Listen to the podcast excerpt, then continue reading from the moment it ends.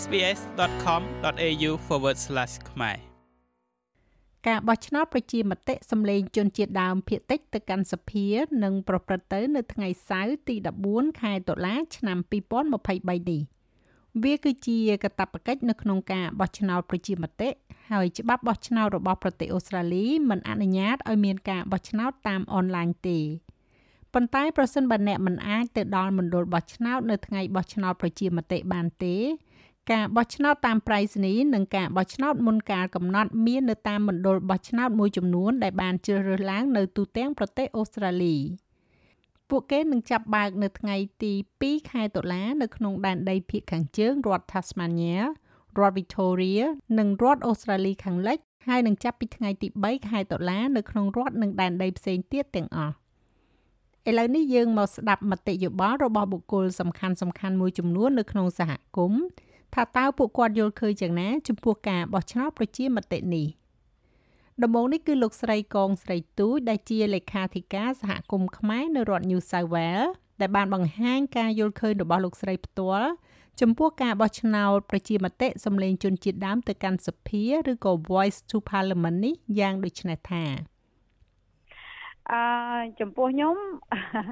ចំពោះខ្ញុំផ្ទាល់ខ្ញុំនិយាយដោយត្រង់គឺខ្ញុំនឹង vote yes ចា ការបោះឆ្នោត The Voice ដីឬការបោះឆ្នោតដតីក្តីគឺវិជ្ជការជ្រើសរើសរបស់បុគ្គលម្នាក់ម្នាក់ទោះជាបងប្អូនបោះថា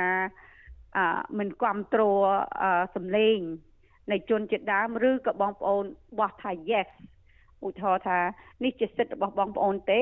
ប៉ុន្តែអ្វីដែលខ្ញុំអឺសូមផ្ដល់ជាមតិយោបល់ទៅដល់ប្រជាពលរដ្ឋខ្មែរយើងអឺ មិនថានៅក្នុងទីក្រុងមែលប៊នឬក៏នៅរដ្ឋផ្សេងផ្សេងទេ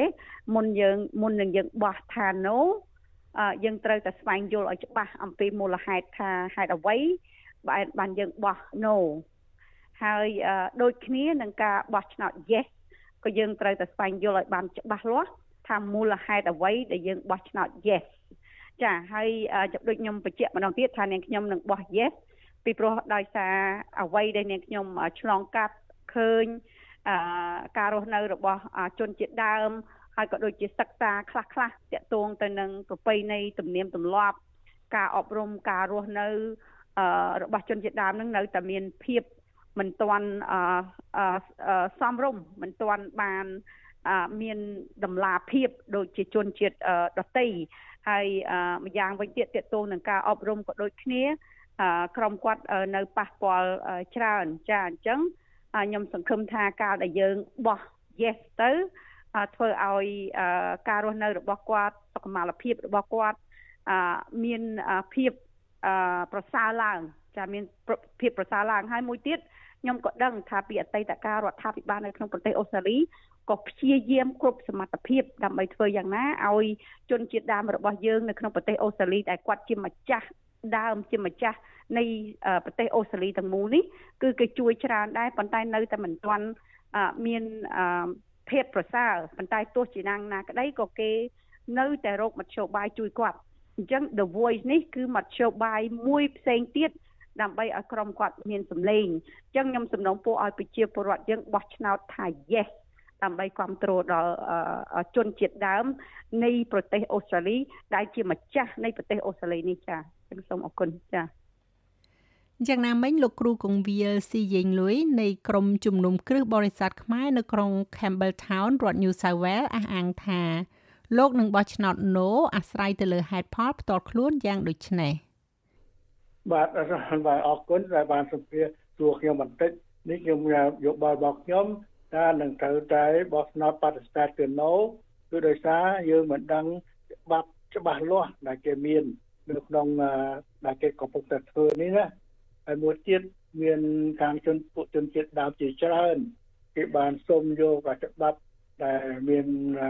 ចេញបញ្ចេញឲ្យគេនោះមាននៅជាច្រើននៅគេលាក់កំបាំងគេបានបញ្ចេញទាំងអស់ឲ្យគេស្ដាប់ឲ្យគេដឹងដូច្នេះមានពួកជនជាតិដើមជាច្រើនបានបដិសេធ ហើយយើងក៏ចឹងដែរយើងឃើញថាការអនហ្នឹងកើតមកនោះក៏មានការគ្រោះថ្នាក់ដល់យើងជាអ្នកដែលជនជាតិនៅអូស្ត្រាលីនេះដែរព្រោះច្បាប់ទាំងឡាយគឺបើគឺយើងបោះទៅប្រហូបយកប្រហូបហើយគេនឹងចូលទៅក្នុងរដ្ឋធម្មនុញ្ញរដ្ឋាភិបាលហើយរដ្ឋាភិបាលរដ្ឋាភិបាលទៅក៏មានច្បាប់គឺដែលនាំឲ្យយើងមានការគ្រោះថ្នាក់ដោយការច្បាប់ទាំងហ្នឹងព្រោះច្បាប់ដែលតការពារមិនមែនច្បាប់ទៅយកឲ្យមកមានសិទ្ធិអ្នកមួយមិនអ្នកមួយអត់សិទ្ធិ នោះវាមិនត្រឹមត្រូវដែរដូច្នេះបានជាយើងមិនចង់បានទេពីព្រោះការផតតាំងជាច្រើនវាមិនអាចបង្ហាញឲ្យឃើញបានជាពួកជនជាតិដើមជាច្រើនគេបានបដិសេធដោយសារគេមិនបានដឹងការរបស់នោះដូច្នេះជាការយើងរាល់គ្នាយល់ឃើញថាវាមិនគួរឲ្យមានច្បាប់នឹងចេញមកទេហើយយើងរាល់គ្នាឲ្យដឹងថាការបើយើងទទួលយកប្រមមានការគ្រោះថ្នាក់ដល់យើងរាល់គ្នាដូចជាសូមឲ្យយើងបោះ no no ហើយនឹងសរសេរយកបិចយកទៅគូសសរសេរអក្សរ no ពីលើពីកូនទាំងអស់លោកជាយូហនប្រធានសមាគមខ្មែរនៃរដ្ឋ Victoria មានប្រសាសន៍ថាមិនថាលោកអ្នកបោះឆ្នោត yes ឬ no នោះទេ វាគឺជាសិទ្ធិរបស់លោកអ្នកហើយសូមឲ្យអ្នកដែលមានសិទ្ធិទៅបោះឆ្នោតឲ្យបានគ្រប់គ្នាអឺខ្ញុំសូមជម្រាបអឺបងថាហើយជាពិសេសគឺជម្រាបដល់បងប្អូនរួមជាតិខ្មែរយើងទាំងអស់ឲ្យបានជ្រាបថា ការធ្វើប្រជាមតិនេះគឺទី1គឺយើងត្រូវតែទៅបោះឆ្នោតទាំងអស់គ្នាអឺពីព្រោះអីអាហ្នឹងគឺជា compulsory គឺចាំបាច់ត្រូវតែបោះបើកាលណាបងប្អូនមិនទៅបោះទេ គឺគេផាកដូចជាបោះឆ្នោតរើសតំណាងរាបោះឆ្នោតខាង local government ឬក៏បោះឆ្នោតខាង state government អីចឹងអាហ្នឹងគឺដូចគ្នាទី1ទី2គឺរបៀបបោះហ្នឹងគឺវាមានតែអត់មានតែសេឈ្មោះ តែសេអីទេ គឺមានតែ yes ទៅសេពាក្យថា yes ឬមួយក៏ no បាទអឺបើកាលណាយើងចូលចិត្តថាយើងគ្រប់គ្រងដូចថាចង់ជួយដល់ពួកខាង Aborigine ដែលរដ្ឋាភិបាលប្រទេសអូស្ត្រាលីនេះគេនឹងធ្វើច្បាប់ធ្វើទម្លាប់ហ្នឹងអឺដើម្បីគ្រប់គ្រងខាងពួក Aborigine ហ្នឹងគឺទៅ say yes ទៅវិញបើថាទេអត់ទៅទេគឺថាมัน បាច់កែប្រែច្បាប់ទម្លាប់អីទេ say no ទៅបាទអានេះគឺជាសិទ្ធិសេរីភាពរបស់បងប្អូនម្នាក់ម្នាក់ក្នុងការបញ្ចេញមតិបាទហើយអឺมันអាចដូចថាអ្នកណាមកបខំឲ្យយើងធ្វើអីធ្វើអីអញ្ចឹងបានទេគឺថានឹងស្រាញ់ជាសិទ្ធិរបស់យើងដំបូន្មានពីគណៈកម្មការរៀបចំការបោះឆ្នោតអូស្ត្រាលីគឺស្ដីអំពីរបៀបដែលធ្វើឲ្យសិលឹកឆ្នោតរបស់អ្នកបានការ គឺត្រូវបានគេរាប់បញ្ចូលជាសម្លេងឆ្នោតបានការអ្នកអាចដាក់ពាក្យបោះឆ្នោតតាមប្រៃសណីយ៍បានប្រសិនបើអ្នកមិនអាចធ្វើដំណើរទៅការិយាល័យបោះឆ្នោតបានទេដោយសារមានបញ្ហាសុខភាពឬក៏បញ្ហាក្នុងការបម្លាស់ទីអ្នកកំពុងមើលថែទាំអ្នកដែលមិនអាចធ្វើដំណើរបានឬប្រសិនបើអ្នករស់នៅចម្ងាយលើសពី8គីឡូម៉ែត្រពីមណ្ឌលបោះឆ្នោតនៅថ្ងៃបោះឆ្នោតការស្នើសុំទម្រង់បោះឆ្នោតតាមប្រៃសណីយ៍គឺធ្វើឡើងដោយគេហទំព័រ AEC ហើយត្រូវធ្វើនៅមុនម៉ោង6ល្ងាចនៅថ្ងៃទី11ខែតុលាអ្នកនឹងត្រូវបំពេញនិងបិទស្រោមសម្បត្តិសัญลักษณ์ឆ្នោតរបស់អ្នកត្រឹមម៉ោង6ល្ងាចនៅថ្ងៃធ្វើប្រជាមតិហើយ AAC ចាំបាច់ត្រូវតែទទួលសម្បត្តិនោះឲ្យបានមិនលើសពីថ្ងៃទី27ខែតុលាឡើយប្រសិនបើអ្នកនឹងទៅក្រៅប្រទេសនៅថ្ងៃធ្វើប្រជាមតិ អ្នកក៏អាចបោះឆ្នោតនៅស្ថានទូតអូស្ត្រាលី ស្ថានកុងស៊ុលនិងគណៈកម្មាធិការជាន់ខ្ពស់នៅក្នុងទីក្រុងចំនួន108ជុំវិញពិភពលោកការបោះឆ្នោតតាមទូរស័ព្ទក៏មានសម្រាប់អ្នកនៅទ្វីបអង់តាក់ទិកនិងសម្រាប់អ្នកបោះឆ្នោតដែលពិការភ្នែកឬមានចក្ខុវិស័យទាបផងដែរប្រសិនបើអ្នកមិននៅផ្ទះដែលអ្នករស់នៅប្រចាំថ្ងៃរបស់អ្នកនៅថ្ងៃទី14ខែតុលាទេនោះ អ្នកអាចទៅបោះឆ្នោតនៅកន្លែងបោះឆ្នោតណាមួយនៅក្នុងរដ្ឋឬក៏ដែនដីរបស់អ្នកហើយគេហទំព័រ AEC មានព័ត៌មានលម្អិតប្រសិនបើអ្នកត្រូវការស្វែងរកមណ្ឌលបោះឆ្នោតនៅក្នុងរដ្ឋផ្សេងជាចុងក្រោយ អ្នកបោះឆ្នោតត្រូវតែសរសេរពាក្យតែមួយគត់នៅក្នុងប្រអប់នៅលើសញ្ញាឆ្នោត គឺពាក្យថា yes ឬក៏ no ជាភាសាអង់គ្លេសតែប៉ុណ្ណោះ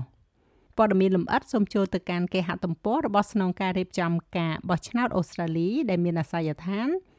www.aec.gov.au ហើយលោកអ្នកអាចស្វែងរកព័ត៌មានដ៏ទូលំទូលាយពីការធ្វើប្រជាមតិនេះដោយចូលទៅកាន់ SBS Voice Referendum Portal តាមរយៈអាសយដ្ឋាន